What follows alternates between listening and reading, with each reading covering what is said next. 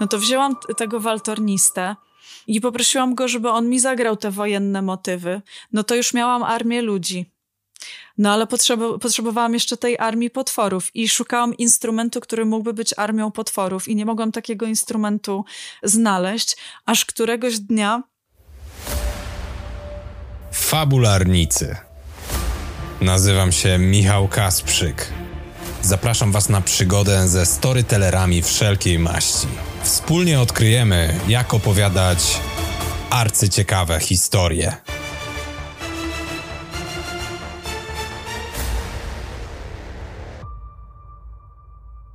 W tym odcinku będziemy eksplorować obszar pisania piosenek.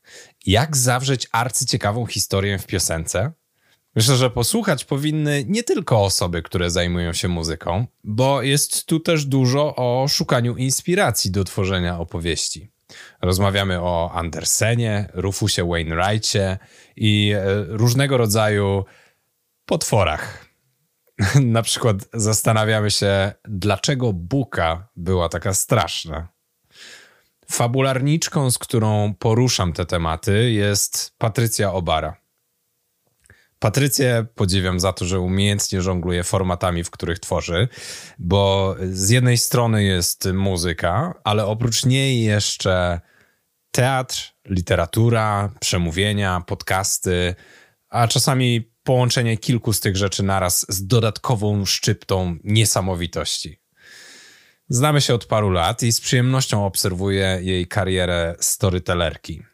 Od multiartystycznego projektu Sheila, przez współpracę z nowoczesnym teatrem Cloud Theatre, opowiadania w projekcie Cloud Writing po jej autorską płytę Syrena. Co ciekawe, Patrycja jest też autorką podręcznika Piosenkopisanie, który jest to. Dobra, myślę, że wiadomo. Obszerniejszy biogram Patrycji znajdziecie w opisie odcinka. Są tam też linki do rzeczy, które omawiamy, więc zajrzyjcie koniecznie do nich oraz na stronę fabularnicy.pl. A teraz wskoczmy już w tę rozmowę. Na starcie chciałem Cię zapytać, takie pytanie, totalna rozgrzewka o polecenie jakiejś dobrej historii, którą ostatnio poznałaś. Czy to będzie film, serial, piosenka, książka, cokolwiek, co możesz polecić słuchaczom? Mm, z takich historii, które ostatnio mnie mocno poruszają. To jest, to jest taka historia, e, którą być może większość z nas już kojarzy, ale z bardzo dawnych czasów, ale teraz można sobie ją e, odświeżyć na pewnym portalu, na którym można oglądać seriale. E, oglądam ostatnio po wielu poleceniach, bo jakoś długo się wstrzymywałam z tym, e, ale po wielu poleceniach w końcu zaczęłam oglądać serial Anne with an E, czyli to po polsku się chyba nazywa Ania, nie Anna. I muszę powiedzieć, że bo pierwsze miło sobie przypomnieć książkę, którą się zaczytywałam w dzieciństwie, a po drugie historia jest prowadzona w tak piękny sposób, że no moja druga połowa twierdzi, że to jest świetny serial na przeczyszczanie zatok, bo po prostu co chwila trzeba sięgnąć po chusteczkę. I rzeczywiście tak jest, że jest mnóstwo wzruszeń, mnóstwo miejsca na, e, na jakąś refleksję, ale też dużo takiego ciepła, czułości, miłości i zachwytów, więc y, bardzo barwna emocjonalnie historia. Co bardzo dobre polecenie też, więc y, zachęcam do tego, żeby sprawdzić. I jest na Netflixie, nie bójmy się tego powiedzieć. Okej, okay. wiesz, nie chciałam przekroczyć granicy. E, nie, nie ma problemu, absolutnie. Ale to skoro mówimy już o takich utworach czy opowieściach z przeszłości, no bo Ania ja cały czas mam w głowie jako Ania z Zielonego Wzgórza, e, ale wiadomo, że to jest tylko jeden z tytułów e, powieści. Mm, to jak jesteśmy przy takich starszych utworach, to właśnie zastanawiałem się, od czego zacząć rozmowę z tobą i stwierdziłem, że absolutnie musimy poruszyć temat Andersena. Ach, no tak. E, I chciałem cię zapytać o niego i od razu tutaj też słuchaczom powiem, że pod, podtekst tego pytania jest taki, że to jest właściwie trochę pytanie o, Patrycja, twoje wartości w tym, jak ty opowiadasz historię. Więc o, o co chodzi z tym Andersenem? No z tym Andersenem to jest tak, że e, oczywiście to, to, to, to była kolejna rzecz, którą się zaczytywałam w dzieciństwie. Miałam, e, wtedy było takie trzytomowe wydanie baśni Andersena, pięknie ilustrowane, natomiast te ilustracje były takie, no takie mroczne, to były takie bardziej obrazy niż, niż rzeczywiście ilustracje. I z tych trzech tomów miałam dwa, pierwszy i trzeci. Mm, na marginesie drugi kupiłam na Allegro w jakimś antykwariacie e, z, może z dwa lata temu i okazało się, że nie miał tych obrazków, że te strony z tymi obrazami zostały wyrwane. O. Natomiast e, no to, to takie opowieści mojego dzieciństwa, natomiast e, wróciłam do nich jako już dorosła osoba i okazało się, że one już mnie nie wzruszają, tylko mnie zaczęły strasznie wkurzać. Zaczęło mnie wkurzać to, w jaki sposób Andersen opowiada o kobiecie, że ta kobieta jest taka albo jest e, personifikacją zła i jest jakąś tam wiedźmą okropną, mhm.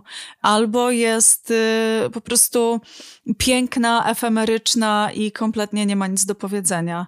I ewentualnie może być na przykład świetną żoną, ale też nie za bardzo może o tym zdecydować, bo oczywiście książę zdecyduje. No i szczególnie poruszyła mnie moja ulubiona bajka z dzieciństwa przy tym powrocie w dorosłości, czyli Mała Syrena, która opowiada o super odważnej, samodzielnej, mądrej dziewczynie, która się zakochuje i idzie do jakiejś czarownicy, pozwala sobie odebrać wszystko, co było dla niej ważne, po to, żeby móc na ten ląd wyjść i zdobyć tego księcia. I jak już wychodzi na ten ląd, skazana na wieczne cierpienie i spotyka tego księcia, to okazuje się, że jakaś inna laska jej po prostu tego księcia podbiera, a tej nawet nie wystarcza tej zuchwałości i odwagi, którą miała wcześniej, żeby temu księciu księciowi powiedzieć, ej, ej, ej, to ja cię uratowałam. I ona tak po prostu z niego rezygnuje i zamienia się w morską pianę, co za każdym razem wzrusza mnie e, tak samo, e, chociaż już z innych powodów. No i postanowiłam już w dorosłym życiu tak tego Andersena po pierwsze zgłębić i okazało się, że jego życie z jego życia można by zrobić opowieść, e, nie wiem czy nie ciekawszą niż te jego wszystkie baśnie, o. bo była to postać absolutnie tragiczna. A po drugie postanowiłam, jak już go zgłębiłam, to postanowiłam go przepisać, napisać na nowo, napisać swoją wersję, taką bardziej, e, no nie wiem, zbuntowaną, feministyczną, taką bardziej po mojemu. No i właśnie o to, o to drugie cię chciałem przede wszystkim zapytać, chociaż zaintrygowałaś mnie życiem Andersena, ale nie o nim będziemy dzisiaj rozmawiać, będziemy rozmawiać o twojej twórczości.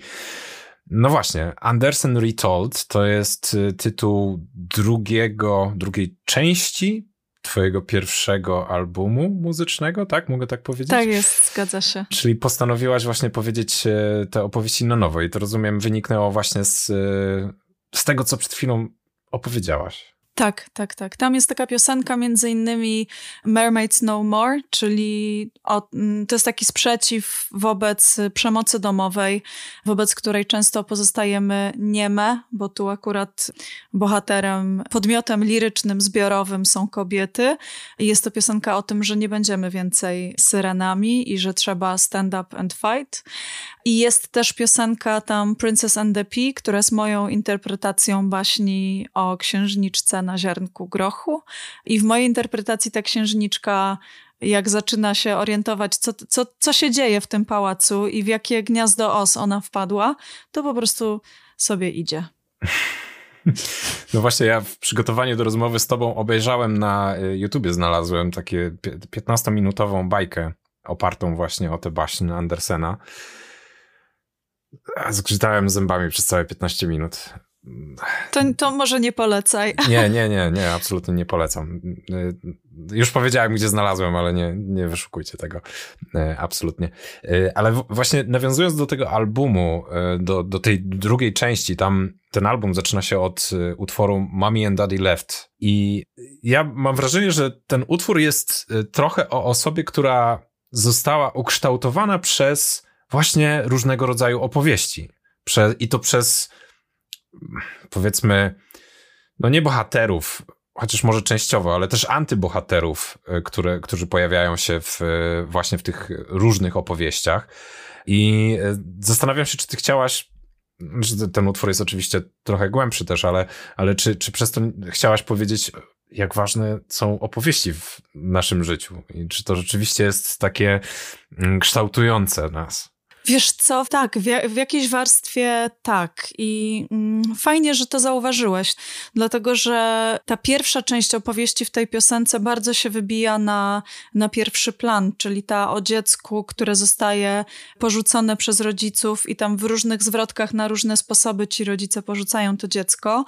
Natomiast dla mnie clue tej piosenki było właśnie to, o czym ty teraz mówisz, czyli to, że to dziecko po prostu tam jemu się uchylają drzwi od szafy i z tej szafy zaczynają wychodzić różne upchnięte w niej potwory. I ja te potwory tam powybierałam z różnych e, bajek ze swojego dzieciństwa. To były trochę takie e, stwory, których ja się bałam albo którymi mnie straszono, czyli jest tam i, i Buka, i jest tam Czerwona Królowa z Alicji w Krainie Czarów mm, i, i, i ten giaur biedny, nieszczęsny, brutalny morderca.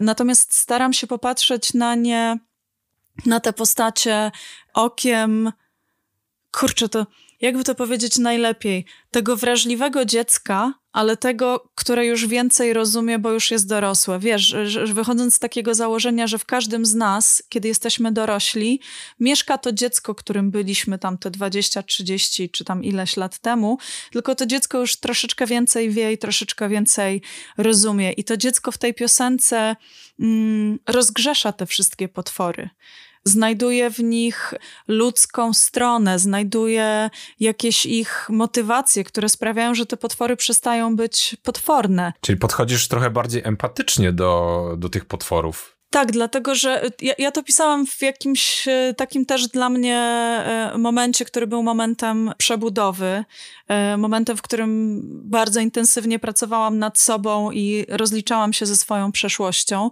No i wiele się mówi o tym, że trzeba te swoje demony pokonać, Natomiast mi się jakoś bardziej spodobał pomysł, żeby ich nie pokonywać, tylko się z nimi zaprzyjaźnić, że te demony nasze są częścią nas samych, więc pokonywanie ich jest trochę próbą pokonania samego siebie i, i wejścia na jakąś drogę konfliktu z samym sobą. No i idąc za tym, pomyślałam, że skoro chcę się z moimi potworami zaprzyjaźnić i zaprosić je na herbatę, to muszę dowiedzieć się, kim są i dlaczego robiły tak, jak robiły. I rzeczywiście naprawdę było tak, że siedziałam wypisywałam te różne potwory z tych bajek e, z dzieciństwa i zastanawiałam się, kurczę, jakie jest drugie dno tej historii? Dlaczego ta buka była taka straszna? I no zrozumiałam, że ona w ogóle nie była straszna, ona była po prostu nieszczęśliwa, I bo strasznie pewnie. pragnęła miłości i, i nikt jej tej miłości nie chciał dać, że ona mi się skojarzyła z takim no nie wiem, chłopcem ode mnie z klasy na przykład, który był niegrzeczny i go wszyscy karcili za to, że był niegrzeczny, a on po prostu potrzebował, żeby ktoś go przytulił, zauważył, dostrzegł. No i ten chłopiec też mógł wyrosnąć przecież na taką bukę, właśnie dlatego, że jego potrzeby zostały zaniedbane, a, a w głębi no ta buka ma piękne, dobre, czyste, kochające serce. Czyli wy, wychodzi na to, że te potwory warto by było też napisać na nowo. No można by taką próbę rzeczywiście Pokazując podjąć, jakąś głębię. Albo dorabiać dodatkową warstwę, którą e, będzie się zalecało do czytania już dorosłym a nie, nie tylko przedstawiania e, dzieciom tej wersji, która już istnieje. Może to jest pomysł na kolejną płytę moją. E, a, widzisz. Także inspirujesz, inspirujesz. Ach, dziękuję, dziękuję. A powiedz mi, czy to jest to, co cię ukształtowało? Znaczy ciebie, to, to już powiedziałaś, ale twój styl tworzenia opowieści, twoją chęć tworzenia opowieści? Czy to jest to, czy jest jeszcze coś głębiej? To, czyli te bajki o potworach? Tak. Nie, no to myślę, że to jest tylko jeden kawałeczek, mhm. E, że ja w ogóle jako dziecko bardzo dużo czytałam. E, tata mnie nauczył czytać, jak miałam 4 latka, więc tak naprawdę wcześnie zaczęłam tą przygodę Super. z literaturą. I nawet pamiętam, że w przedszkolu miałam po prostu status, nie wiem, no niemalże przedszkolanki, że, że, że na przykład zdarzało mi się siadać na krześle. Wszystkie dzieci siedziały dookoła mnie na podłodze i ja czytałam im przygody Eusebiusza. I w ogóle, jak, jak, jak miałam potrzebę uciec do swojego świata, to uciekałam w książki, a potem też już coś tam sama zaczynałam pisać, czy jakieś opowiadania, czy piosenki, pamiętniki, to po prostu tysiące stron zapisanych o, przez proszę. pierwszych, powiedzmy tam 19 lat mojego życia. Mhm. No i czytałam najróżniejsze rzeczy i od bajek i baśni przez y, potem powieści takie bardziej dla młodzieży, aż potem literatura dla dorosłych. Myślę, że no wszystko, co się czytało i co się oglądało w jakiś sposób nas y, kształtuje. Natomiast y, bo mówisz, czy to ukształtowało mój styl. Myślę, że jest jakieś ziarnko prawdy w tym, że te potwory ten mój styl e, ukształtowały, bo ja lubię pisać o rzeczach trudnych. Mhm. O rzeczach takich, że po koncertach przychodzą do mnie ludzie i mówią fajnie, fajnie, tylko czemu tak smutno?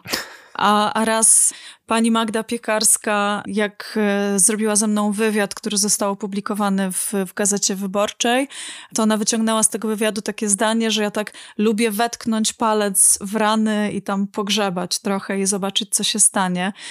No i rzeczywiście tak jest, że ja lubię o tych trudnych tematach mówić, ale nie dlatego, że mam jakieś tam, nie wiem, skłonności sadystyczne i lubię się znęcać nad moją publicznością. No w końcu nie, można nie przyjść na mój koncert, jak się nie chce o tym rozmawiać, mhm. nie?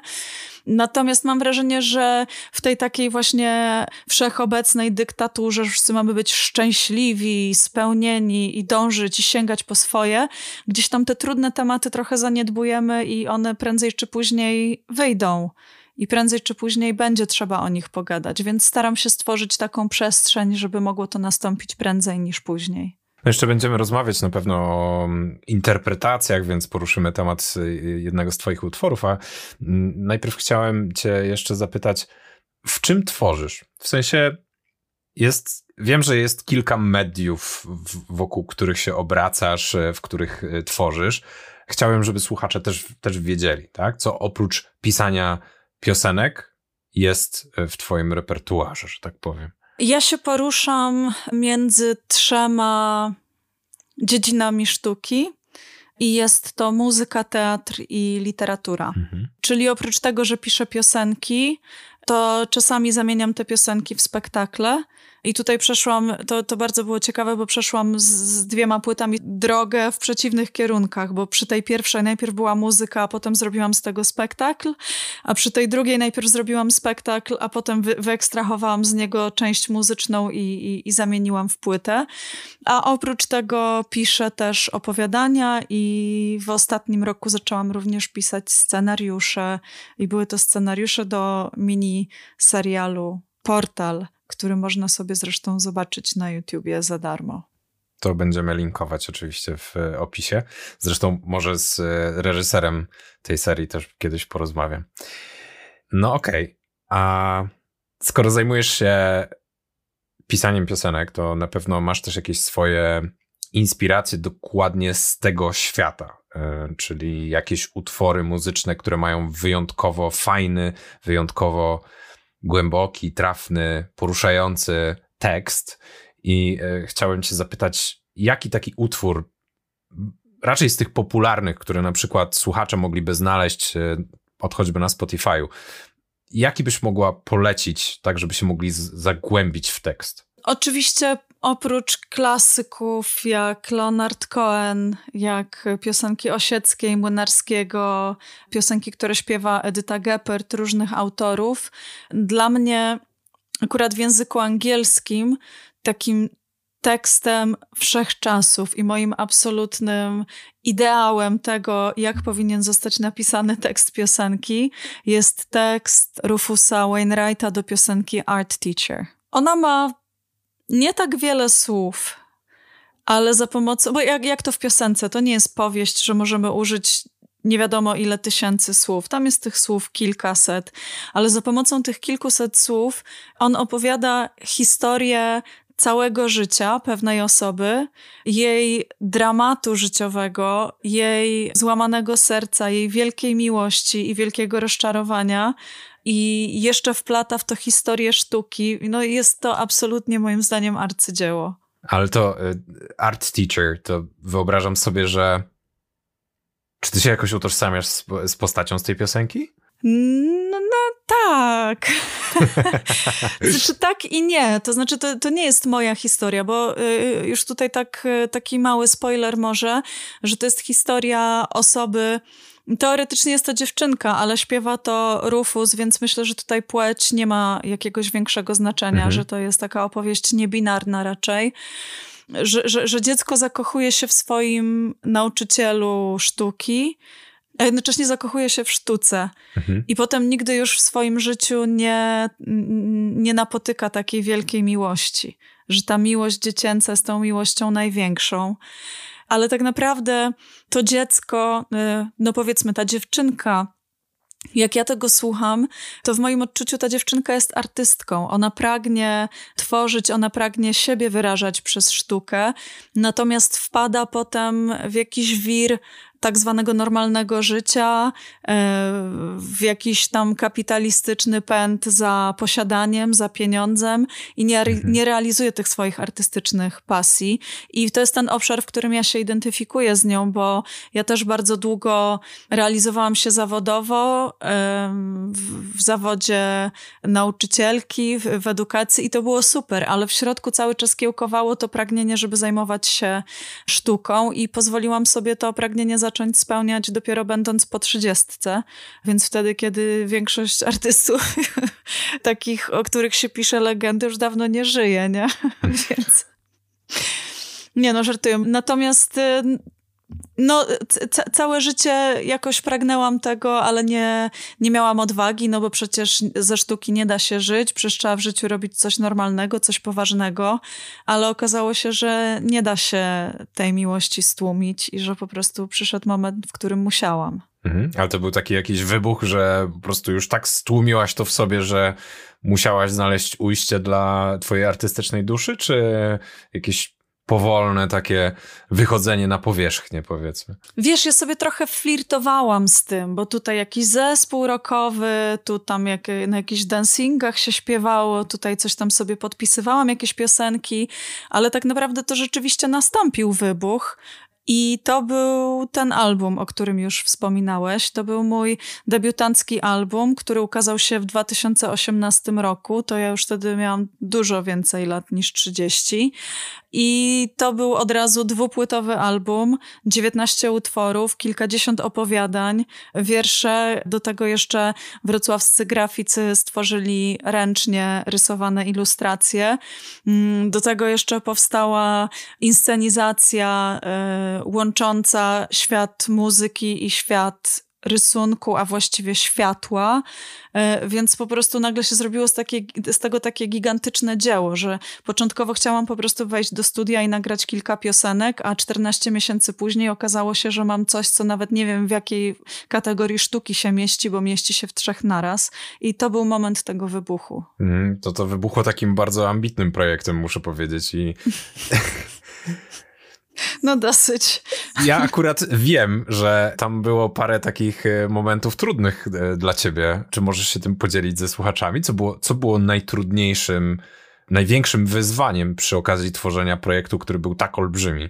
Wiesz co, dwie rzeczy. Pierwsza rzecz jest taka i myślę, że tutaj nie tylko w świecie sztuki tak jest. Myślę, że to jest coś uniwersalnego. Myślę, że w świecie biznesu dzieje się podobnie, że jeżeli projekt się zaczyna jako coś bardzo małego i skromnego, a staje się czymś dużym, i zupełnie odbiegającym od tego, co było we wstępnych założeniach, to ludzie w tym projekcie też się zmieniają i nie wszyscy chcą iść tą ścieżką i mają różne pomysły na to, jak ta ścieżka powinna dalej wyglądać, więc jest to duże pole do różnego rodzaju konfliktów, e, rozstań, poszukiwania nowych osób, które ten projekt chciałyby wesprzeć, zasilić swoją obecnością.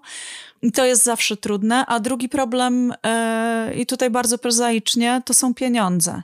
Bo jeżeli, żeby zagrać koncert, potrzeba 40 osób, a środków na to jest tyle, ile by wystarczyło na zespół czteroosobowy, to trzeba naprawdę no, dużego zachodu i trzeba wzbudzić w w tych ludziach jakieś inne motywacje. Oni naprawdę muszą ten projekt polubić, chcieć stać się jego częścią, e, żeby chcieć zainwestować swój czas e, w coś, na czym nie zarobią, będąc profesjonalnymi na przykład muzykami. Mhm. A jakiego rodzaju to są motywacje na przykład? No właśnie to, że ktoś poczuje się zaangażowany artystycznie w taki projekt i też to nie zawsze było możliwe, bo od pewnego momentu już mieliśmy spisane partytury i tam po prostu muzycy dostawali te nuty i grali już to w taki sposób, w jaki zostało napisane. Natomiast na początku e, tworzenia zespołu starałam się muzyków zapraszać na takich zasadach, że każdy mógł tą muzykę współtworzyć. Mógł coś dopisać od siebie, mógł włożyć tam kawałek swojego serca i swojego wyobrażenia o tym, jak to mogłoby brzmieć, więc starałam się mm, dać taką artystyczną motywację do udziału w tym. I rzeczywiście no, oprócz takich osób, z którymi potem już współpracowaliśmy jakoś tam jedno, dwu czy kilkurazowo przy tych większych koncertach, to jest taki trzon zespołu Sheila, który jest ze mną do dziś. I to jest e, perkusista Przemek Michalak, oboistka Wiktoria Ulatowska i bas klarnecistka Renata Raczyło. I one po prostu, oni, oni. I oni po prostu sami chcą to grać i oni nie patrzą na to, czy tam będzie za to jakieś wynagrodzenie, czy będzie symboliczne, czy będzie przyzwoite. Oni po prostu chcą wejść na scenę, bo identyfikują się z tym. Jest to dla nich ważna opowieść. Zresztą Renata powiedziała kiedyś w wywiadzie w radiu, że jej zdaniem każda kobieta powinna posłuchać tej płyty i każdy facet, który chce zrozumieć kobiety, też powinien posłuchać tej płyty i że ona się w tej płycie, e, w tych, w tych piosenkach osobiście odnajduje. I to jest taki, taki rodzaj motywacji, który wydawał mi się jakoś no, dla niektórych wystarczającym substytutem tych milionów monet, których nie miałam. Czyli te wartości, o które cię pytałem na początku, to jest coś, co jest y, bardzo istotne też nie tylko dla ciebie jako twórczyni, ale też do tego, żeby zachęcić y, muzyków do tego, żeby weszli w ten projekt. A jaką rolę muzycy właśnie pełnią w tworzeniu historii, które przekazujesz, bo teksty piosenek w większości napisałaś ty sama, więc to jako historia, która jest opowiadana powiedzmy bardziej wprost niż y, muzyka, no bo muzyka nie zawiera, sama muzyka nie zawiera, nie zawiera słów, więc ma potencjał dużo szerszej interpretacji, ale jak, jak właśnie muzyka współtworzy te historie? Czy je wspiera, czy, czy jest jakoś zupełnie obok? Możesz o tym powiedzieć? Wiesz co, to jest kolejne bardzo ciekawe pytanie.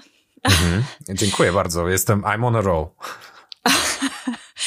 Wiesz co, to jest tak, że ja nie jestem z wykształcenia muzyczką, więc e, chociaż no, mam, mam taki rodzaj wykształcenia, że muzyki obsesyjnie słuchałam przez całe życie. Mhm. E, natomiast zawsze zwracałam bardzo uwagę na jej potencjał taki właśnie do opowiadania historii, do przenoszenia emocji, e, czy potencjał teatralny.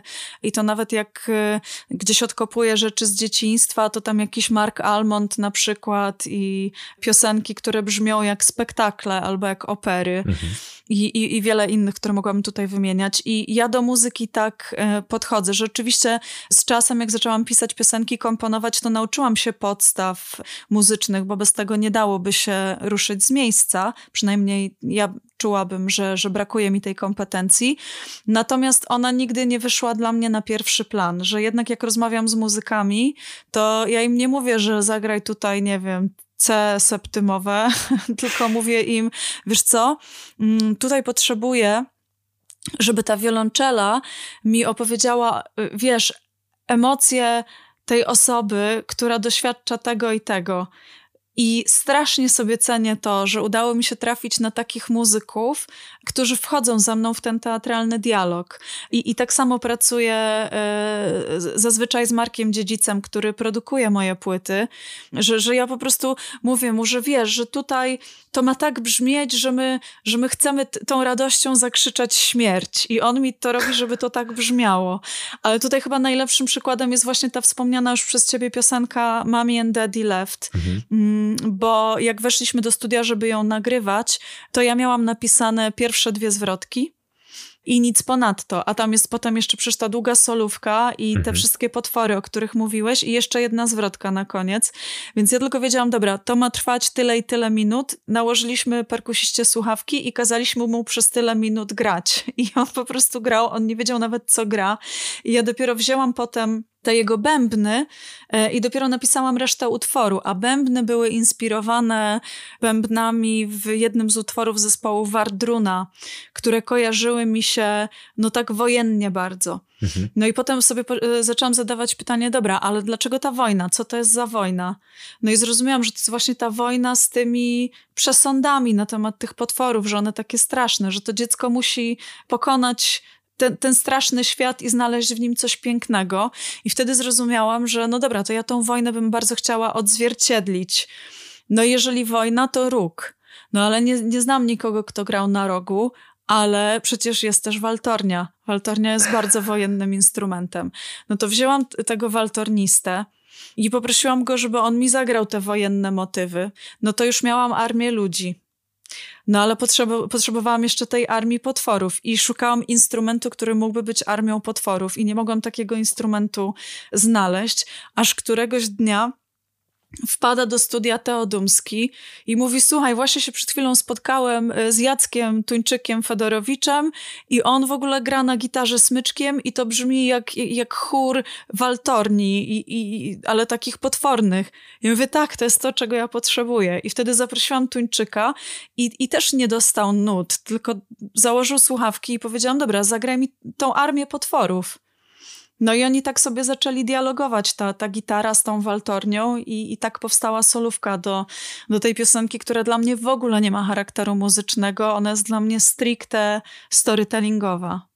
Czyli nie dość, że muzyka wspiera treść, to jeszcze sa sama twoja opowieść o tym jest niesamowicie e, emocjonalna i, i e, jest takim czystym storytellingiem. To jest w ogóle super, że, że historia powstania tego utworu jest e, też tak burzliwa, że można o niej historię opowiedzieć. To jest super. To jeszcze tam jest taki jeden smaczek, właściwie dwa, o matko. Można by cały odcinek zrobić o tej piosence. Bo jeden smaczek to jest y, daksofon. Mhm. To jest taki instrument, który normalnie jest z drewna, ale u nas on był wydrukowany na drukarce 3D o. i on chrumka i piszczy, jak potwór. I on na początku tej piosenki, on się budzi i on tam zaczyna tak lekko porykiwać, Aha. ale jak wysłuchacie do końca, to na koniec, jak ona już te potwory oswoiła, ta dziewczynka, to on on sobie wzdycha i zasypia. Naprawdę, jak bum cyk cyk, ten taksofon mi to zrobił. Oh wow. A drugi smaczek to pięcioletnia dziewczynka, Inka, która śpiewa wstęp e, do tego utworu, mm -hmm. żeby mhm. już było tak bardzo, bardzo dziecięco, to ona w pierwszych słowach oznajmia, że mamusia i tatu się porzucili. Mm. Skąd ty bierzesz inspirację do wdrażania tego rodzaju elementów, że no z jednej strony twoją rolą jest e, no, twoja rola jest akurat bardzo szeroka w tym projekcie, ale powiedzmy, jako piosenkopisarka, piszesz tekst piosenki, potem współtworzysz muzykę, ale jeszcze do tego wymyślasz kolejne instrumenty, kolejne elementy. Skąd, skąd bierzesz do tego inspirację i skąd te pomysły wszystkie? No z życia. no dobrze, a trochę bardziej szczegółowo poproszę. Wiesz co, myślę, że to jest tak, jak powiedziałam wcześniej, że to są, wiesz, wszystkie książki, które przeczytałam, wszystkie filmy, które obejrzałam, chociaż znajduję też dużo inspiracji muzycznych, ale często jest tak, że ja te inspiracje znajduję dopiero po czasie, że słucham jakieś piosenki i tak sobie myślę, o kurczę, chyba tym się inspirowałam pisząc coś tam, a nawet nie pamiętałam tego. Mm, ale ja bym ten proces porównała do malowania obrazu, że wtedy, kiedy piszę tekst piosenki to jest taki jakby szkic. I ten szkic nanoszę na to płótno i potem zaczynam go wypełniać kolorami. No i to jest tak, że jak się tych kolorów trochę dołoży, to wtedy widzisz, gdzie jeszcze brakuje i jakiej barwy. Więc zaczynam dokładać kolejne warstwy i kolejne, no i dopiero wtedy, kiedy ten obraz jest gotowy, no to widzę, że jest gotowy. A z reguły tak mogłabym jeszcze domalowywać i domalowywać. Mhm. A skąd inspiracja na, na tym albumie Stories? Jest jedna taka piosenka, która zaczyna się od słów There's a bar in this city where it's always 2 a.m. To mam wrażenie, że to jeszcze, jeszcze dodatkowy rodzaj inspiracji chyba. No tutaj muszę wspomnieć o mojej wielkiej inspiracji, którą jest moja przyjaciółka Alicja. I Alicja również ze mną pisała opowiadania i jeszcze z Teodumskim i z Tomaszem Łukaszem Nowakiem w projekcie Cloud Writing. I z Alicją mamy jakieś takie magiczne flow, że zawsze jak się spotkamy, w ogóle chciałyśmy kiedyś wydać coś, co by się nazywało pierwsze zdania, bo my, my piszemy mnóstwo pierwszych zdań, opowiadań, piosenek, powieści i tak dalej. I ja mam naprawdę dziesiątki, jak nie setki tych pierwszych zdań w notatkach. No i to było właśnie takie jedno z takich pierwszych zdań, że mm, akurat wtedy Alicja jeszcze była moją nauczycielką hiszpańskiego i na jednej z lekcji hiszpańskiego nie wiedzieć czemu, nagle powiedziałam takie zdanie, że był taki bar, w którym zawsze była druga w nocy, a może to Alicja powiedziała, bo w gruncie rzeczy my ostatecznie nigdy nie wiemy, która z nas powiedziała to zdanie i zazwyczaj obie bierzemy sobie to zdanie i robimy z niego coś. Akurat z tego zdania, oprócz mojej piosenki, powstały jeszcze dwa opowiadania. O proszę, czyli bardzo płodne zdanie bym powiedział. Tak, tak. No dobra, a masz y, inspirację i co dalej? Jak się bierzesz za pisanie całego utworu, można powiedzieć? Chociaż możemy się skupić tylko na pisaniu y, tekstu, jeżeli, jeżeli masz ochotę, ale mm, masz inspirację, co się dzieje później? Jaki jest następny krok? Jak pisałam swój podręcznik y, pisania tekstów piosenek, to podzieliłam rodzaje procesu twórczego na takie dwie kategorie. Jedną napisałam, czy dwie strategie właściwie wyodrębniłam. Jedną nazwałam strategią metodycznego pisarza, chyba, a drugą nazwałam strategią strumienia świadomości. I to metodyczne pisanie, czy to piosenkopisanie, czy, czy powieściopisanie, czy pisanie w ogóle, uważam za taki proces, w którym i tak też często jest na przykład to określane w podręcznikach do, nie wiem, powieściopisarstwa czy scenopisarstwa, że trzeba sobie tak usiąść, wymyślić sobie tą fabułę, mniej więcej jej zarys, rozpisać w punktach i potem to rozbudowywać. Natomiast ta druga strategia, ta strategia strumienia świadomości, polega na tym, że po prostu siadamy przed tą kartką, zapisujemy te cztery pierwsze słowa i patrzymy, co się z tym stanie dalej pozwalamy się temu stawać. Czyli bardziej to czerpie gdzieś z intuicji, z podświadomości i, i, i, jest takim mechanizmem samotworzenia się tych tekstów. I ja dużo częściej korzystam z tego drugiego procesu. Że na przykład biorę sobie takie zdanie, jak to, że jest w tym mieście taki bar, w którym zawsze jest druga w nocy i siadam i zaczynam sobie ten bar wyobrażać i tak powstają kolejne zdania. Albo czasami na przykład mam muzykę i przez prawdopodobnie przez lata e, ćwiczeń wyrobiłam sobie taki rodzaj ucha, e, które łączy melodię ze słowami od razu. Czyli kiedy słyszę, że gra ktoś jakąś melodię, czy ja gram jakąś melodię, to mi do tego przychodzą od razu słowa, mm, które do tej melodii pasują. I jeżeli mam wcześniej wewnętrznie zadany jakiś temat, e, no to te słowa są na ten temat. I takim moim e, jednym z ulubionych przykładów jest e, piosenka Have a Good Life. E, I to, ta piosenka powstała w zasadzie tak, że e, z Matem Burdynowskim pracowaliśmy sobie właśnie nad, to, to mój przyjaciel i mentor, pracowaliśmy sobie nad teorią muzyki i on mnie tam uczył różnych rzeczy ja potem w oparciu o te rzeczy napisałam szkielet, muzyczny szkielet utworu. To jedna z tych rzadkich sytuacji, kiedy zaczęłam od muzyki. Mm, no i tam sobie to grałam, grałam, grałam, a potem poszłam gotować zupę. I gotując tą zupę, nagle po prostu zaczęłam śpiewać Fly my love, goodbye my love i po prostu zaśpiewałam sobie refren tej piosenki. Więc musiałam przerwać gotowanie zupy, wrócić do pianina i napisać zwrotki. No i zazwyczaj tak to się odbywa, ale to, to nie jest tak, ja nie chcę przez to zabrzmieć, że ja po prostu mam tak, że mi to tak lekko przychodzi i to w ogóle nic nie wymaga i w ogóle jestem jakaś super. E, to raczej jest tak, że ja to ćwiczę dzień w dzień, e, od rana do wieczora. Ja mam cały czas wewnętrznie proces tworzenia uruchomiony. My nawet jak e, w domu rozmawiamy z moim partnerem, to często rozmawiamy improwizowanymi piosenkami. O. Że na przykład bierzemy takie melodie do, nie wiem, to ostatnia niedziela, albo domowe przedszkole, albo co tam nam wpadnie do głowy i układamy z tego piosenkę o tym, że akurat robimy kolację. No, nie wiem, że tam pomidory podaj mi i ogórki może trzy i my w ten sposób po prostu rozmawiamy. Genialne, absolutnie genialne. Więc ten proces po prostu cały, cały czas się we mnie toczy. Ale powiem ci, że y, mi też się bardzo często zdarza coś podśpiewywać i y, właśnie w taki sposób rozmawiać z moją żoną, że śpiewamy do siebie. My co prawda nie zajmujemy się zawodowo śpiewaniem, więc, więc nie będę demonstrował, ale no, rzeczywiście, rzeczywiście nam się to zdarza i uważam, że to jest bardzo fajne ujście dla takiej kreatywnej energii. Y, a, a powiedz mi, czy to faktycznie dzieje się non-stop? Czy y, ten proces tworzenia w tobie jest taki, że jest absolutnie bez przerwy? Czy może masz jakieś takie ulubione momenty w ciągu dnia, na przykład, kiedy wiesz, że jak usiądziesz akurat wtedy, to, to napiszesz coś dobrego, albo w ogóle coś napiszesz? Wiesz co? Wiadomo, że to w ogóle jest, znaczy nie wiem, czy wiadomo, może yy, zbyt teraz uogólniam, ale dla mnie to jest tak, że najlepiej mi się tworzy wtedy, kiedy mam na to przestrzeń. Czyli wiadomo, że jeżeli mam taki dzień, kiedy mam dużo pracy, takiej nieartystycznej, albo kiedy coś na przykład trudnego się dzieje w życiu, angażującego, to wtedy trudno tak po prostu wziąć te myśli odciągnąć od tych rzeczy. Czasami jest to niewskazane, bo będąc w pracy, no tak raczej nie mogę sobie wyjść, bo potrzebuję akurat szybko napisać piosenkę.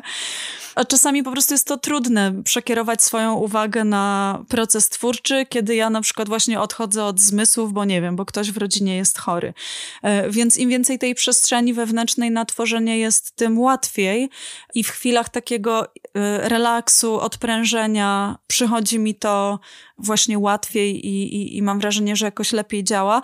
Natomiast jeżeli chodzi o pory, to raczej nie. To znaczy, kiedyś tak miałam, że wolałam pisać wieczorem, e, bo wtedy jak, jakoś tam mi było prościej ten potencjał twórczy wyzwolić. Natomiast teraz y, mam już wypracowaną taką zdolność wprowadzenia się w ten stan twórczy wtedy, kiedy tego potrzebuję. I było to, była to umiejętność niezbędna mm, już na etapie, kiedy zaczynałam pisać też teksty piosenek nie tylko dla siebie, ale też na zlecenie. Bo kiedy piszę dla siebie, no to umówmy się, że na kolejną płytę mogę poczekać nawet 10 lat, jeżeli tej weny nie będę miała. Natomiast kiedy piszę na zlecenie, to mam określony termin, w którym ta piosenka musi powstać i nie mogę wtedy pozwolić sobie na to, żeby czekać na przypływ weny albo na wolny wieczór, tylko muszę wtedy umieć zrobić tak, że dobra, to jutro mam czas o 15, więc o 15 siadam i piszę ten tekst.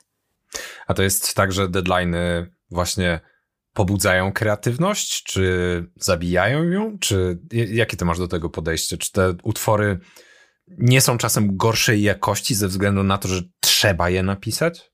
Wiesz co, y, jeżeli mówimy o tym pisaniu na zlecenie, to ja zawsze i tutaj mm, ostatnio współpracuję z, z pewnym twórcą, dla którego miałam napisać dwie piosenki, a ostatecznie napiszę prawie całą płytę, bo nam się tak fajnie współpraca układa. I on zawsze się śmieje, że Y, każdą piosenkę, którą mi zleca, ja mu wysyłam tydzień albo dwa tygodnie przed terminem.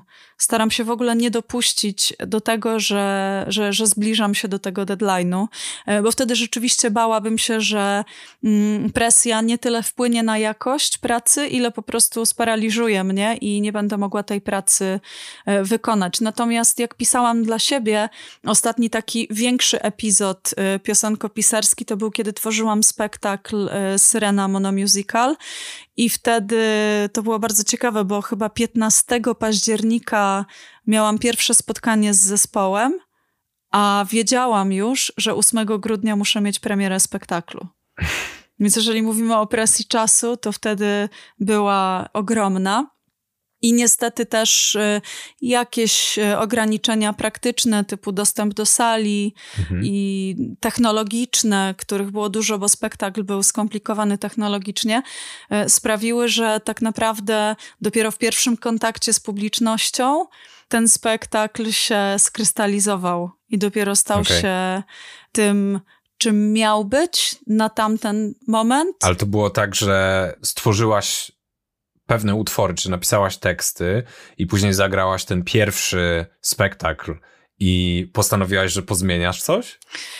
Właśnie tak, właśnie do tego y, zmierzam, że teraz myśląc o tym spektaklu, zmieniłabym w nim dużo. tak bardzo dużo. Okay. Ale nie dlatego, że uważam, że tamto, co wtedy zrobiliśmy, było złe, bo jestem zadowolona z tamtej pracy, którą wtedy mhm. wykonaliśmy. Natomiast dzisiaj po prostu już zupełnie inaczej minęło półtora roku. Ja dzisiaj zupełnie inaczej postrzegam tematy, o których opowiada ten spektakl, bo wiesz, tam znowu ten Andersen wrócił mhm. i to miał być spektakl o tym, że Andersen przedstawił tą kobietę właśnie w swoich baśniach jako niewidzialną. Mhm. I w tym spektaklu ta kobieta się z Andersenem spotyka, żeby się z nim rozliczyć, jako ze swoim oprawcą, który ukształtował wiele kolejnych pokoleń, które też uznały kobietę za niewidzialną. No i paradoks był taki, a właściwie autotematyczność tego spektaklu polegała na tym, że ta część o kobiecie znikła. Ona była niezauważalna. Wszyscy tam widzieli tylko Andersena. We wszystkich recenzjach był tylko Andersen. Ta kobieta znikła i tam w ogóle nie było. Ale to nie było zamierzone, tak? W ogóle nie, nie. To miał być spektakl, okay. wiesz, pół na pół. Część muzyczna miała opowiadać o kobiecie, a część ta intelektualna, słowna miała opowiadać o Andersenie i okazało się, że ta intelektualna tak zdominowała tą emocjonalną, tą muzyczną, mhm. tak patriarchalnie ją po prostu zdominowała, że ta kobieta nie istniała. To co w takim razie byś zrobiła inaczej? Wywaliłabym Andersena. A, okej. Okay. Już miał swoje pięć minut. Dokładnie, nawet trochę więcej. I to zrobiłam na płycie. Po prostu wywaliłam Andersena i nagrałam 11 piosenek o kobiecie. Ale to wywalić Andersena, co to znaczy, że y, nie nagrałaś utworów, w których on występował, czy usunęłaś linię tekstu, które o nim mówiły? Jak, jak to działało wyrzucenie Andersena? No właśnie, on nie występował w żadnym utworze, bo cała część muzyczna była o kobiecie, więc po prostu wyrzuciłam część tą dramatyczną. Wyrzuciłam monologi. Mhm. E, zostawiłam właśnie tylko muzykę. Okej, okay, okej. Okay.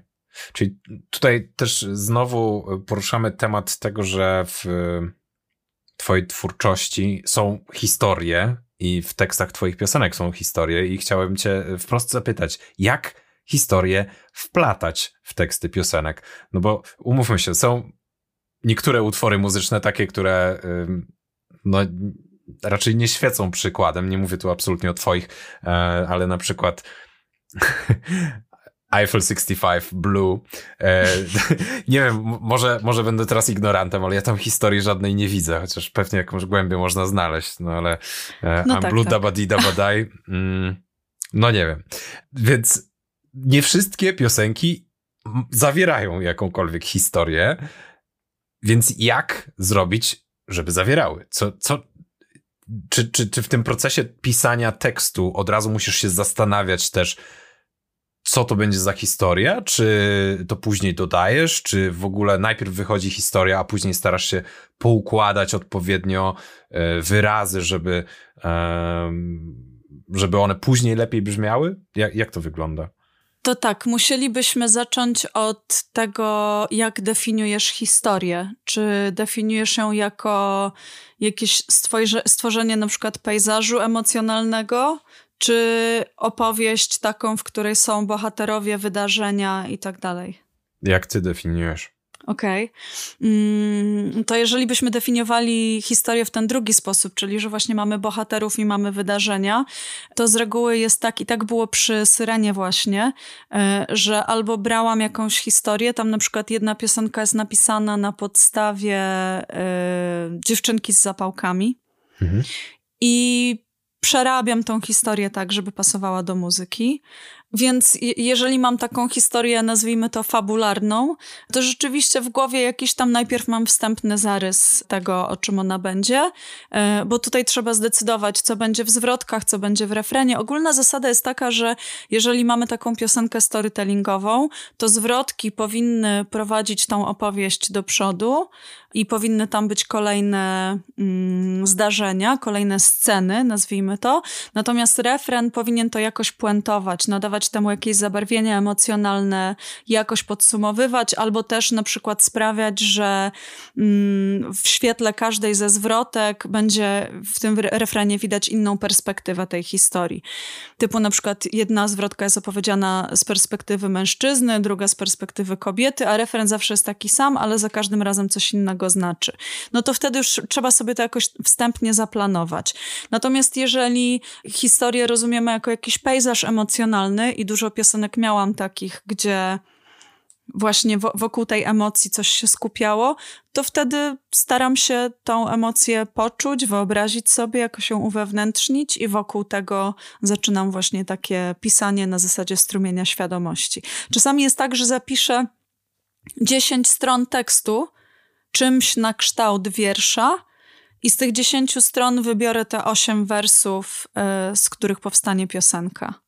No, to bardzo ciekawy proces. To taki trochę jak e, Michał Anioł tworzący rzeźby. Niepotrzebne wyrzucić. Tak, tak. Tak. Ciekawe porównanie, ale nie przyszło mi to do głowy, ale rzeczywiście. No, a słuchaj, bo mm, skoro masz jakąś historię, to czy ona częściej jest taka jasna, jawna i od razu widać, że tam ta historia jest, czy raczej wolisz, żeby ona była ukryta i żeby gdzieś między wierszami ten słuchacz odkrył w ogóle dopiero tę historię? To różnie, to, to zależy od piosenki. Są takie piosenki, w których no na przykład ta wspomniana już Bossa, która jest na podstawie e, dziewczynki z zapałkami, która no, po prostu wprowadzamy postać, ta postać sobie idzie, coś robi, potem e, zamarza i umiera, jak to u Andersena i, i przeprowadzam przez tą opowieść wprost. Natomiast są też takie piosenki, no właśnie na tej nowej płycie mm, będzie taka piosenka zatytułowana Narodziny, która jest śpiewana przez matkę oczekującą narodzin swojego dziecka. No i ta matka myśli, że to będzie chłopiec i mu wróży świetlaną przyszłość i podbój kosmosu i co tam jeszcze tylko i radośnie oczekuje jego narodzin. Ale potem nagle w połowie piosenki zmienia się muzycznie ten utwór, bo przestaje być durowy, czyli taki właśnie radosny, zamienia się ten, e, ta warstwa muzyczna w molową, czyli smutniejszą, też pełniejszą e, muzycznie. Mhm. I ta matka nagle zmienia zdanie, to znaczy ona się orientuje, że to nie będzie chłopiec, tylko dziewczynka i ona prosi tą dziewczynkę, żeby może ona jednak się jeszcze nie rodziła, żeby może ona jeszcze jakiś czas poczekała, bo tutaj w sumie na tym świecie nic fajnego ją nie czeka. I to jest taki tekst, który no teraz po wysłuchaniu tego odcinka słuchacze będą wiedzieć o co chodzi. Natomiast myślę, że tam na przykład ta opowieść nie jest taka oczywista, że mm, to już trzeba usiąść, posłuchać, poszukać w tym czegoś i być może nawet e, dziesięciu słuchaczy słuchających tej piosenki znalazłoby tam dziesięć różnych historii, Natomiast y, jestem akurat też takim typem twórczyni, której to zupełnie nie przeszkadza. To znaczy, jeżeli ja napiszę piosenkę o maśle orzechowym, a dla kogoś ona będzie o stokrotkach, to dla mnie to jest super. Wow, fajnie, że widzisz tam stokrotki ekstra. Nie wiedziałam, że, że w tej piosence są stokrotki. No właśnie miałem cię zapytać, jak często ci się zdarza rozmawiać ze swoimi odbiorcami i e, czy oni ci tak jasno, otwarcie mówią, co tam słyszą, czy jak interpretują twoje utwory, czy raczej dopytują, o co ci chodziło? Wiesz co, jeżeli mnie próbują na przykład widzowie po spektaklu pytać, o co mi chodziło, to staram się to pytanie odwrócić i zapytać, co oni w tym znaleźli, zobaczyli, poczuli, w sensie o czym to było dla nich, bo uważam, że ostatecznie to jest najważniejsze. To znaczy, ja wiem, że my mamy to takie ze szkoły, co autor miał na myśli, ale mi się wydaje, że autor przestaje być ważny w momencie, kiedy wypuszcza to dzieło na świat, że od, od, momentu, kiedy to dzieło spotyka się z odbiorcą, to ważne jest już tylko to, co w nim znajduje odbiorca i to mnie zawsze bardzo ciekawi. Tak autentycznie, szczerze, zawsze mnie to bardzo ciekawi. To skoro już rozmawiamy o interpretacjach y, utworów, to ja też chciałem zinterpretować z tobą razem jeden z twoich utworów. Poprosiłem cię o to, żebyś wybrała i wybrałaś co? Egzekucję. Czyli y, utwór z twojej nadchodzącej, a być może już ukazanej płyty, jak to, y, ten odcinek ma premierę, czyli z albumu Syrena. I dostałem od ciebie ten utwór i oczywiście linkuję go w y, notatkach, dlatego że jest też na YouTubie jako wersja z warstwą wizualną z monomusicalu. Ja cię poprosiłem o wybranie utworu, a ty od razu powiedziałaś, że będziesz chciała mnie zapytać o coś. Tak. I, i, i nawet mi powiedziałaś, jakie to pytanie, ale z, zróbmy tak dla niepoznaki, że ja nie no, znałem to, znałem to pytanie, ale po prostu je zadaj. Tak, zadam to pytanie i to będzie to pytanie, o którym przed chwilą rozmawialiśmy i które zadaję e, widzom po spektaklach czy po koncertach, czyli o czym to było dla ciebie? O czym ta piosenka jest dla ciebie? No właśnie, ja zgłębiłem się w tekst, bo dostałem też od Patrycji spisany tekst, więc nie musiałem tylko z utworu, e, z, z nagranego utworu. I ogólnie, jak dla mnie, ten utwór jest o pewnego rodzaju ostracyzmie społecznym, ale to jako taki. Znaczy, tego jestem pewien, jako znaczy jestem pewien mojej interpretacji oczywiście, nie? Ale, ale w sensie, że to jest taki element stały dla kilku różnych wersji, które ja tam widzę, bo e, ja tam też dostrzegam, z racji tego, że to jest e, utwór o, tak powierzchownie można by się, mogłoby się wydawać, że to jest utwór o e, niespełnionej miłości, Natomiast z racji tego, tego ostracyzmu społecznego, który wydaje mi się, że występuje w utworze mm, i tego, że ta miłość właśnie się nie spełniła między dziewczyną i chłopcem, tak jak tam e, jest to opisane, i tam jest pewne dziecko, które mm, w, właśnie nie jest to powiedziane wprost chyba, ale mi się wydaje, że to dziecko się nie rodzi. I przez to wydaje mi się, że to jest trochę o aborcji. I ten ostracyzm społeczny, który tam jest, to jest to, że e, ta dziewczyna jest obwiniana za to, co się wydarzyło. I jednocześnie jest tam trochę informacji o tym, że ten chłopiec też zostaje zabity. I wydaje mi się, że to może być jakiś ojciec, który odszedł. W sensie ojciec tego dziecka nienarodzonego postanowił odejść, ale później matkę się obwinia. Tak? Może być też gwałciciel, jak idąc już takim bardziej czarnym scenariuszem. Jest jeszcze parobek, więc mamy trzecią postać i tutaj no, on się niby y, kocha w tej dziewczynie i mm, to mi, to mi sprawia trochę y, problemu z interpretacją, bo początkowo myślałem, że to może być chirurg, który wykonuje zabieg, ale skoro się kocha w niej, no to niekoniecznie, więc y, kim on jest, bo on chce, on chce z nią być, więc tutaj mam pewną zagwostkę. No ale jakby ogólnie uważam, że to jest o ostracyzmie, ostracyzmie społecznym, dookoła jakiejś niespełnionej miłości i tego, że ta dwójka ludzi próbowała miłość, swoją miłość realizować w sposób, który w pewnym sensie nie jest akceptowany powszechnie, nie jest akceptowany społecznie. No, to chyba tak bym to podsumował. Okej. Okay. No, bardzo wiele ciekawych rzeczy tam zauważyłeś. Fajnie, dziękuję. Okej, okay, a ty się jakoś odniesiesz do mojej interpretacji, czy, czy zostawiasz to na zasadzie takiej, jak powiedziałaś, że każdy może widzieć to co, to, co chce? Tak, wiesz, dlatego, że ja nie chciałabym teraz tutaj powiedzieć, o to dobrze, a to źle, a tu zgadłeś, a tu nie zgadłeś, bo to sprzeczne e, z moją filozofią jest, więc ta piosenka jest dokładnie o tym, o czym jest dla ciebie. Mhm. Chyba, że czujesz, że coś jest niejasne i chciałbyś coś wiedzieć więcej, żebym coś doprecyzowała, to chętnie to dla ciebie zrobię. Natomiast e, E, chciałabym, żebyś został jednak ze swoją interpretacją. Mm -hmm. No właśnie mnie zastanawia... Chociaż ona się i tak pewnie trochę zmieni po tym, jak porozmawiamy o tej piosence, ale no tak... No. no właśnie mnie cały czas zastanawia ten parobek, bo on tutaj pragnął ożenić się z wdową, czyli zakładam, że z tą dziewczyną, skoro ten chłopiec został zabity, tak, bo jest i ojca zabili jej, chociaż to może być ojciec jej ojciec, a nie ojciec dziecka, więc to też no, jakby... tak, tak, tak. No to tutaj tak, jeżeli pytasz o fabularne zawiłości, to to rzeczywiście, bo to jest w ogóle prawdziwa historia. O. I to jest historia jednej z ostatnich egzekucji w Danii. O. Mm, I to jest jedyny ślad Andersena na tej płycie, bo to jest e, egzekucja, którą Andersen oglądał na własne oczy. I rzeczywiście ten wóz z tymi skazańcami tam jechał i oni tam mhm. ich potem wieszali i tak dalej. E, I historia była taka, właśnie w tej takiej fabularnej czystowarstwie, nie wchodząc w interpretacyjną, że dziewczyna zakochała się w chłopaku. Mhm. E, ojciec tej dziewczyny nie wyrażał zgody na ich związek.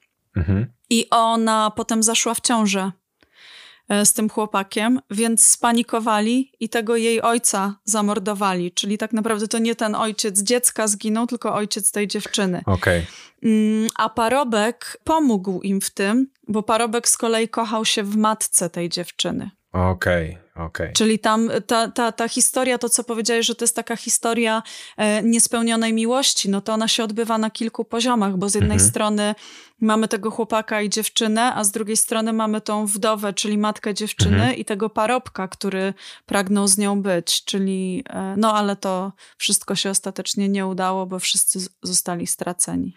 Okej, okay, to już e, trochę więcej rozumiem i żeby nie było, ja chyba przez to, że próbowałem się doszukiwać jak najwięcej rzeczy, to, to zacząłem rzeczy, które są w miarę jasno napisane, typu i ojca zabili jej, to ja sobie zacząłem myśleć, aha, no dobra, jej, ale czy to nie był czasem ojciec dziecka? I jakby moje Spoko, myśli zaczęły podążać jest... już trochę dalej bardzo fajne. Wiesz, ja tego nie, nie odbieram w taki sposób, że a, nie wyraziłam się jasno, jestem beznadziejną songwriterką. nie, nie, nie, nie dla mnie to jest fajne. Jeżeli, mhm. wiesz, zadajesz sobie takie pytania słuchając tego, to uważam, że to jest super. Uważam, że w ogóle po to jest sztuka, żeby sobie zadawać różne pytania. Mhm. A lepiej jest interpretować e, dany utwór, historię właśnie tak zastanawiając się nad każdym słowem i e, próbując to zgłębić jak najbardziej się da, czy bardziej na zasadzie, dobra, przeczytam to raz, czy posłucham raz i zastanowię się, co to dla mnie jest. Taki pierwszy, mm, pierwsza instynktowna interpretacja. Mm, wiesz co, ja z reguły skłaniam się ku tej drugiej strategii. Takie pytanie, które lubię sobie zadawać, to co mi to robi? Mhm. Przesłucham tego raz i pytam siebie, co mi to robi? Czy to mnie jakoś wzrusza, czy to mnie jakoś bawi, czy to mnie, nie wiem, porywa, czy może nic mi nie robi. Ale czasami jest tak, że jak mi nic nie robi, mhm. a poznam historię, to zaczyna mi coś robić, więc okay. wtedy skłaniam się ku temu drugiemu podejściu. Myślę, że to jest bardzo indywidualna kwestia. No nie wiem, na przykład jak słuchamy takiej piosenki jak Przekleństwo Milhaven, to tam trzeba wejść w historię, trzeba zrozumieć, kto tam kogo zabił i dlaczego. Mhm. I, I samo tutaj słuchanie takie wrażeniowe, myślę, że pozbawi nas y, sporej części tego, co się w tym utworze dzieje. Ale przy większości piosenek raczej podchodzę tak, no nie wiem, słucham tego Art Teacher i skręca mi się żołądek, i dopiero przy dwudziestym posłuchaniu zadaję sobie pytanie, dlaczego. Mhm. A powiedz mi, czy ty tworząc czasami bierzesz pod uwagę na przykład bieżące wydarzenia? Bo e, już ci powiem, skąd mi się wzięło to, że dla mnie ta piosenka jest trochę o aborcji. Mhm. Tam wręcz nie ma powiedziane, że to dziecko zostaje zabite. Jest y, dziecko spłodzili, czyli ja wyobrażam sobie, że to dziecko się urodziło. E, chociaż mm, spłodzić, a urodzić to też dwie różne rzeczy, ale przez to, jaka jest sytuacja ostatnio w Polsce i te ostatnie pół roku, gdzie nasiliły się kwestie związane z y, zakazem aborcji, to, to wydaje mi się, że to i ten ostracyzm społeczny, który idzie z, ze strony e, prawicowej, że, że on jest niejako zawarty w tych e, zwrotkach, które tyczą się tej reakcji tłumu na przykład, gdzie właśnie to dziecko spłodzili, no to znaczy, że zakazali aborcji, że się nie dało. Oni chcieli, ale, ale nie, nie udało się, że musiało się urodzić, nie? I, i, i dla, dlatego wydaje mi się, że pod, być może gdyby, gdybym posłuchał tego utworu przed nasileniem tych kwestii, to może bym zinterpretował to zupełnie inaczej. I powtórzę pytanie, czy ty bierzesz pod uwagę, pisząc tekst, właśnie bieżące wydarzenia. Nie mówię, że te konkretne wydarzenia, ale ogólnie tworząc.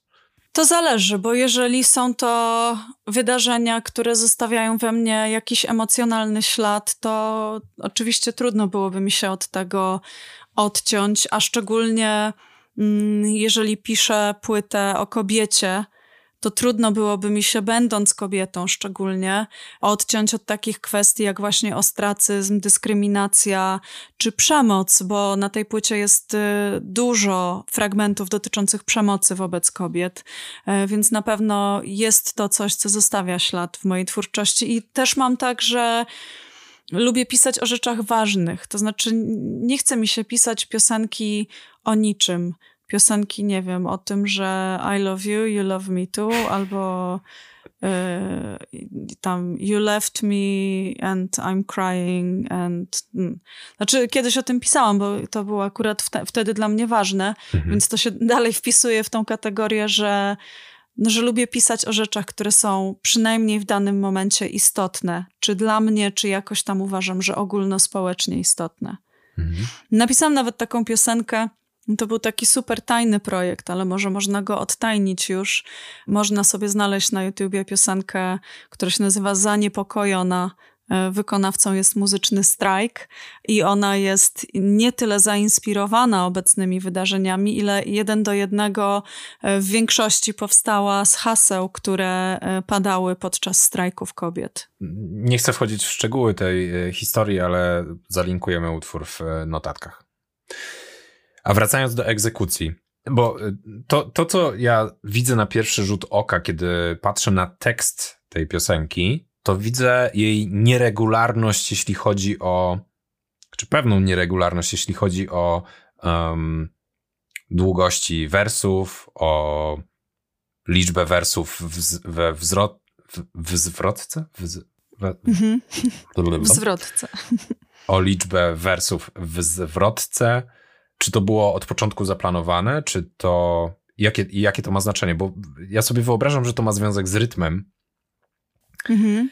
I zaraz też chciałbym przejść do właśnie tego, jak ten rytm ma się do rytmu opowiadania historii, mhm. ale najpierw, jeżeli możesz powiedzieć co nieco o tym, dlaczego to ma taką, a nie inną budowę właśnie.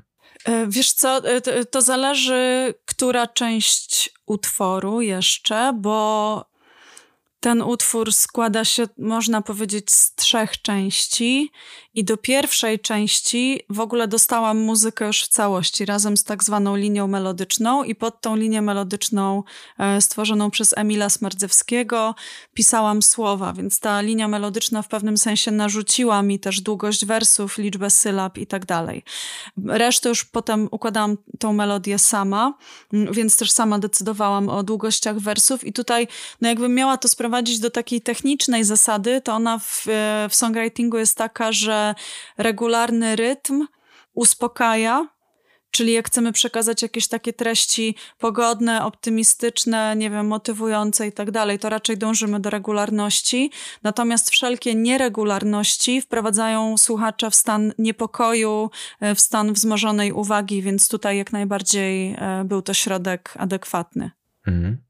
Czyli pasuje w sumie do tematu utworu i mm. jednocześnie pasuje do samej historii opowiadanej tym utworem. I w takim razie, jak ten rytm tego utworu ma się ogólnie do rytmu takiego storytellingowego? Bo historie muszą mieć pewien właśnie rytm, tak? Nie mogą, w momencie, kiedy wchodzą już w fazę taką klimaksową, one nie mogą zacząć przynudzać, bo ludzie stracą uwagę Mm, I tak samo wyobrażam sobie, że jest e, tutaj, że piosenka, która traci rytm tej opowieści, ale też muzyczny w jakimś stopniu, też zaczyna być już jakaś taka nudniejsza, może trochę byle jaka. Mhm. Jak, ty, jak ty sobie radzisz z tym, żeby ten rytm zachować? W muzyce mamy trochę ułatwione zadanie, bo oprócz rytmu mamy jeszcze tempo, czyli mamy dwie rzeczy, którymi możemy manipulować. No i jeszcze tam ewentualnie e, liczba instrumentów, które się pojawiają, że może być coraz gęściej. I w zasadzie to w sumie mamy jeszcze czwarte narzędzie, czyli natężenie dźwięku. I tutaj taką sztuczkę zdradzę już producencką, mm, że często w utworach popowych refren jest odrobinę głośniejszy niż zwrotka, właśnie po to, żeby to odczuwane tempo, czy odczuwany rytm, żeby wzrastał, żeby to napięcie rosło i, i tak się współcześnie często produkuje utwory. Natomiast tutaj w egzekucji rzeczywiście kilka tych środków wykorzystałam, bo najpierw ta, ta główna, e, może nie główna, ale ta wprowadzająca opowieść, czyli tam co się stało, kto kogo zabił i, i tak dalej, i to oskarżanie, ten ostracyzm społeczny, to wszystko się dzieje w takiej części właśnie mm, wstępnej, która jest w takim raczej spokojnym tempie, no takim jakbym robiła film i bym robiła scenę ekspozycji, to ona by była właśnie taka. Natomiast potem przeplatają się dwie dwie perspektywy i to jest w wolnym tempie i z samym pianinkiem. Perspektywa matki, która patrzy na, te, na to swoje dziecko, które zaraz zostanie stracone i opłakuje to dziecko, a, a z drugiej strony mamy w dużo szybszym tempie i w dużo większym zagęszczeniu e, instrumentów i szybszy, z szybszym rytmem opowieść po prostu o tym, co się dzieje na tym rynku wokół tych ludzi, że w sumie wszyscy mają gdzieś, że za chwilę ktoś zostanie stracony, bo po prostu wszyscy się dobrze bawią i to jest mhm. takie, no takie właśnie, mm, jest to być może e, w jakiś sposób metaforą naszych czasów, gdzie po prostu hejterzy jak sępy się rzucają na tą biedną ofiarę, albo, no nie wiem, czytamy te wszystkie tabloidy i, i czytamy kto jak umarł i jakie były jego ostatnie słowa i nie, nie odczuwamy empatii z tym człowiekiem, tylko po prostu się ekscytujemy, że jest historia. Mhm. I, I właśnie to y, starałam się tam opowiedzieć i właśnie korzystałam z tego takiego szybkiego, radosnego, rwącego tempa przy tym. Mhm. Bardzo ciekawą rzecz powiedziałaś, że ekscytujemy się tym, że tam jest historia, ale powiedziałaś to w kontekście takim bardziej negatywnym, mam wrażenie. Czy to znaczy, że historie się dewaluują, czy za dużo ich mamy dookoła na przykład i, i, i, i po prostu niektóre nie mają znaczenia? Czy, czy to jest wina co, historii, czy to jest mało? wina... Za mało historii. Może mamy za mało historii, więc szukamy historii w życiu i tak bardzo ich szukamy, że czasami nie zauważamy, że one dotyczą prawdziwych ludzi i powodują prawdziwe cierpienie. Raczej chyba coś takiego miałam na myśli. Mhm. Że widzimy, nie wiem, że tam ktoś utonął i nie widzimy, że jego rodzina cierpi i go opłakuje, tylko widzimy sensacyjną historię, że ktoś utonął na przykład i bo, bo, bo jest to, no, może za mało nam tych historii dobrych. Mhm. Mi się wydaje, że to jest trochę tak, że, że my zawsze tak mieliśmy, tylko teraz dzięki mediom to może się nasilać, bo kiedyś było tak, że po prostu ta babcia siedziała w oknie i patrzyła na podwórko i tam wszystko wiedziała, kto z kim, a kto umarł, a, a kto tam się z kim, e, mhm. że tak powiem, zaprzyjaźnił. No i tak, no takie jakieś okrutne plotki z tego powstawały i też właśnie taki lokalny ostracyzm, a teraz możemy to robić na wielką skalę, bo nic y, nie stoi na przeszkodzie, żebyśmy zaglądali w życie, nie wiem, Kim Kardashian czy komuś tam jeszcze dalej mhm. gdzieś. To prawdopodobnie też jest y, powód, dla którego historie prawdziwych zbrodni są tak popularne w ostatnim czasie, że w zasadzie w świecie podcastowym od choćby y, no, triumfy e, święcą przede wszystkim podcasty, które dotyczą właśnie e, zbrodni. No to ciekawe. No i, i może rzeczywiście tych historii nam jest za mało, albo te prawdziwe historie są na tyle intrygujące, że e, właśnie dlatego są najciekawsze. No może w tym jest też taki element tego, że to mogło się przytrafić każdemu, nie? Że to mhm. mogło się przytrafić nam. I często akurat y, oglądałam serial, y, kurczę, może teraz przekręcę tytuł, ale to chyba było Wyznania morderców też na Netflixie, gdzie tacy mordercy, którzy zostali, zostali skazani na karę śmierci, opowiadają o tym, jak popełnili to przestępstwo. To, to nieraz miałam w sobie taki komentarz, że kurczę, najlepszy scenarzysta nie napisałby takiego scenariusza. Bo by pomyślał, że przesadził. Hmm. Nie na darmo się mówi, że życie pisze najlepsze scenariusze. Tak, tak. I tutaj chciałem zmienić trochę temat. Wiadomo, zostajemy wciąż wokół opowiadania historii, e, bo nie porozmawialiśmy jeszcze o tej warstwie, czy porozmawialiśmy trochę, ale nie, nie wystarczająco, o warstwie wizualnej, jeśli chodzi o Twoją twórczość, o spektakle, spektakle Shili, o e, monomusical Syrena. Ja mam wrażenie, że śpiewanie na żywo to jest trochę takie opowiadanie historii żywej publiczności w tym danym momencie. I czy to dla ciebie robi jakąś różnicę, czy przez to, że teksty i cała ta warstwa mm, muzyczna jest wcześniej przygotowana, to nie ma to dla ciebie znaczenia? Mm, to, że opowiadam historię? To, że robisz to na żywo, przed żywą mhm. publicznością. Mhm. Czy to jest inne niż jak zaszyjesz się z zeszytem w e, fotelu i piszesz tekst piosenki na przykład? Wiesz co, oczywiście, tak, to jest zupełnie inne i to jest coś, za czym strasznie tęsknię teraz, kiedy to jest niemożliwe, że no, graliśmy kilka koncertów takich streamowanych, bez żywej publiczności i to jest zupełnie inna energia, e, że jednak kiedy można przed tą publicznością stanąć, popatrzeć jej w oczy i opowiedzieć tą historię, to nie można wtedy po prostu wyśpiewać, znaczy ja, ja, ja nie mogę tak po prostu wyśpiewać słów, bo już śpiewam je ileś tam razy, więc już je śpiewam z automatu, e, tylko zawsze staram się w ten utwór głęboko wejść, w tą historię głęboko wejść i jednak podbudować ją e, emocjonalnie, to znaczy chcę, chcę za każdym razem opowiadać tą historię tak, jakbym opowiadała ją po raz pierwszy i czuć ten niesamowity kontakt z publicznością. To znaczy, kiedy się widzi, że oni słuchają, że oni jakoś za tym idą, że nie wiem, komu się łza poleciała, a ktoś się zaśmiał, to w ogóle dodatkowe życie e, potrafi tchnąć w ten utwór, że ten utwór e, od tej publiczności też czerpie energię i ta historia się trochę przeobraża. To są no takie no, niesamowite, wręcz czasami magiczne rzeczy się dzieją. Mm.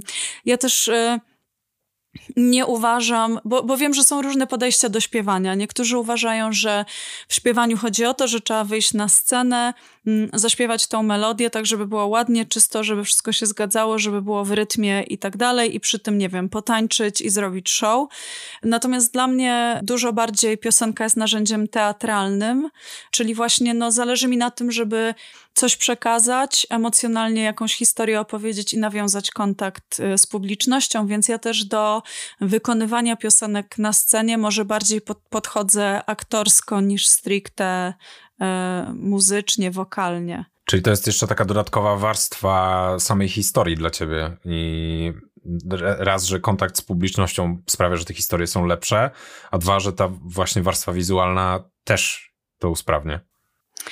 Tak, jeżeli chodzi o tą warstwę wizualną, to tutaj miałam niesamowite szczęście zacząć e, kilka lat temu współpracę z Cloud Theatre. Mhm. I, i, I zaczęłam tą współpracę akurat wtedy, kiedy wydawałam tą pierwszą płytę, i ona była taka mm, bardzo klasyczna, zagrana na klasycznych instrumentach, smutne, wolne, balladowe piosenki. I czułam, że tam brakuje czegoś, co by to uczyniło bardziej uniwersalnym, że sama muzyka jest taka, no nie wiem, taka trochę jak do filharmonii, e, ale przecież opowiada o problemach e, współczesnej kobiety, więc potrzebowałam czegoś, co by, e, co by prze, przesunęło ten środek ciężkości w stronę bardziej współczesną i rysowana na żywo scenografia ilustrująca te utwory wydała mi się właśnie tym.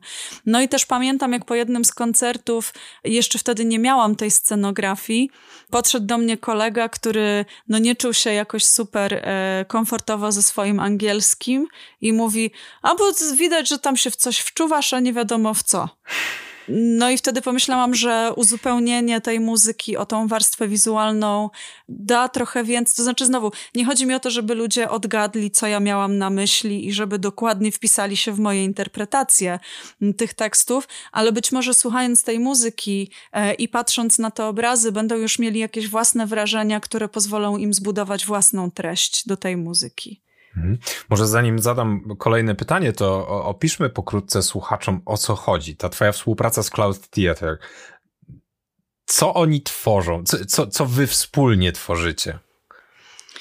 E, to, co oni tworzą i tworzą to też, właśnie tworzymy, bo ja też współtworzę Cloud Theater, to jest coś, co wykorzystujemy nie tylko na koncertach, ale też w spektaklach Cloud Theater. Mm, to jest taka autorska technologia e, rysowania światłem, czyli nie używamy zazwyczaj fizycznej scenografii, nie mamy tam rzeczy zbudowanych na scenie, tylko siedzą rysownicy, albo jeden, albo dwoje, albo tam pięcioro, rysują na tabletach graficznych jakieś ilustracje do tego, co się dzieje na scenie i z kilku projektorów zazwyczaj na całą przestrzeń sceny te, te, te, te ilustracje się wyświetlają, czyli mamy mm, podwójnie eksploatowaną tą przestrzeń tworzenia na żywo, bo raz, że muzyka jest wykonywana na żywo, a dwa, że scenografia też powstaje na żywo na oczach widzów. Ta, ta, ta właśnie rysunkowa. To, czy ja to wytłumaczyłam jasno? Bo to wydaje mi się, że trzeba zobaczyć. Też mi się właśnie wydaje, że trzeba zobaczyć, więc oczywiście linkujemy. Strasznie dużo linków będzie w, przy tym odcinku, ale nic nie szkodzi. To jest wszystko fajna inspiracja, także zachęcam do tego, żeby do notatek zajrzeć. Wyobraźcie sobie po prostu 800 metrów kwadratowych animacji, która wyświetla się na wszystkich ścianach, na podłodze, która oświetla muzyków i która rozszerza rzeczywistość, że wokół tych muzyków pojawiają się, nie wiem, rośliny albo żaby, albo tańczący ludzie. Coś takiego hmm. sobie wyobraźcie i wyobraźcie sobie, że na waszych oczach ktoś to tworzy na żywo.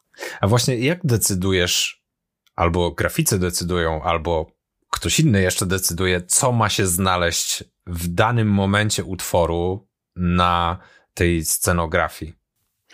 E, jeżeli chodzi o koncerty Shili, to tutaj e, większą część pracy koncepcyjnej nad tą warstwą wizualną e, wykonał Teodumski, który jest założycielem Cloud Theatre i po prostu rozmawialiśmy sobie o tym, o czym są te piosenki, jakie treści emocjonalne chciałabym nimi przekazać. No i pracowaliśmy z grafikiem, który podczas prób wykonywał te ilustracje. Natomiast w Syrenie której też wykorzystujemy ten e, element rysowania na żywo. Tam już miałam do konkretnych scen konkretne wizje, na przykład w egzekucji rysujemy miasto, w którym ta egzekucja się odbywa, takie duńskie e, miasteczko XVIII-wieczne. W, w piosence na przykład e, Masz Babo, która zbudowana jest z przysłów jakoś ośmieszających kobiety, rysujemy sznury z praniem i pomiędzy tymi brudnymi, znaczy wypranymi gaciami i kalesonami wisi szubienica, na której ta kobieta ewentualnie może się powiesić, jeżeli sobie nie da rady już z tym poniżaniem. Albo na przykład w piosence Bossa, mm, w scenie do piosenki Bossa, która jest y, w moim zamyśle takim hołdem składanym wszystkim kobietom w historii, które doznały krzywd albo zostały wymazane z kart historii, zapomniane, odrzucone, to składając ten hołd, chciałam, żeby portrety kobiet pojawiały się wokół mnie, więc tam rysownik po prostu, my mamy tam mnóstwo takich ekranów, które składają się w takie jakby rozbite lustro e, i na każdym z tych ekranów pojawia się jakaś kobieca twarz albo sylwetka chyba najlepiej byłoby to wszystko zobaczyć, bo to jak opowiadasz, to brzmi naprawdę niesamowicie jako e, element, który rozwija jeszcze historię, więc e, zobaczenie tego byłoby wskazane wręcz. To jeszcze teraz na koniec mam dla ciebie pewne zadanie, mm-hmm. które brzmi tak. Jesteś postacią w filmie, który jest oparty o życie Andersena. Mm-hmm.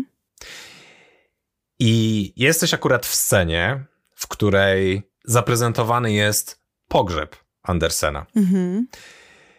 I dostajesz zadanie od jednej z innych postaci, żeby zaśpiewać piosenkę na temat zmarłego. Mhm. No i pytanie brzmi: o czym będzie ten utwór? O czym będzie ten utwór? Myślę, że. Kurde, ale mnie zaskoczyłeś. O to chodziło. Wiesz co, ja bym chyba. Yy... Kurde, wydaje mi się, że, że to byłby utwór o samotności, wiesz, ale nie o takiej samotności, że jest się samemu i nie ma się do kogo odezwać, tylko o takiej samotności, która wynika z absolutnego braku poczucia własnej tożsamości. To znaczy, on mo, mo, może nawet podejrzewał, kim jest, y, a był osobą bez najmniejszych wątpliwości nieheteronormatywną, ale w czasach, kiedy jeszcze nawet nie istniało słowo homoseksualność, więc to nie były czasy, kiedy można mhm. było, nie wiem, pójść do psychologa i z nim o tym pogadać, albo po prostu pogadać z najlepszym kumplem i powiedzieć, ej, bo ja mam tak, i ten kumple, kumpel poklepał cię po plecach i powiedział, spoko, stary, dasz radę. Tylko to były czasy, kiedy trzeba było jakoś ten temat przetwarzać sobie wewnętrznie i się czuło, że jest się wyrzutkiem, że się nie pasuje do reszty społeczeństwa i pewnie jakoś się próbowało to kompensować jakimiś dziwnymi zachowaniami. I jego życie było pełne takich zachowań. Tutaj jako taki y, smaczek mogę y, powiedzieć tylko, że Andersen nigdy mm, nie współżył z nikim, nigdy nie nawiązał fizycznej relacji z drugą osobą, natomiast regularnie uprawiał autoerotyzm i za każdym razem, kiedy kończyło się to sukcesem, zaznaczał sobie to krzyżykiem w dzienniku i na przykład jak go odwiedzał jego dobry przyjaciel, no to potem na przykład po wizycie były trzy krzyżyki w dzienniku, więc był, że tak powiem, bardzo aktywny w tej sferze. Mm, natomiast wydaje mi się to jednak bardzo smutne. Wydaje mi się, że to było największe cierpienie jego życia i najbardziej to go naznaczyło i chyba bym właśnie o tym zaśpiewała tą piosenkę. No to jest bardzo ciekawe, czyli nie wilifikowałabyś go za, za to, jak opisywał kobiety w swoich e, opowieściach, tylko chciałabyś go raczej wytłumaczyć. No i tutaj wracamy do piosenki Mommy and Daddy Left, do miejsca, w którym wymieniam wszystkie potwory i każdy z tych potworów ma jakąś za sobą trudną historię. To jest chyba kontynuacja tamtego tematu. Rozumiem. A zmierzając już do końca, bardzo dużo rzeczy omówiliśmy i zastanawiam się, jakbyś miała to wszystko spiąć do kupy, to jakie jesteś w stanie dać rady storytellerom, czy to początkującym, czy bardziej zaawansowanym, bo jak wolisz. Mm, być może jakaś lekcja taka dla ciebie najważniejsza jest y, no, nie, nie, niekoniecznie wypoziomowana, powiedzmy.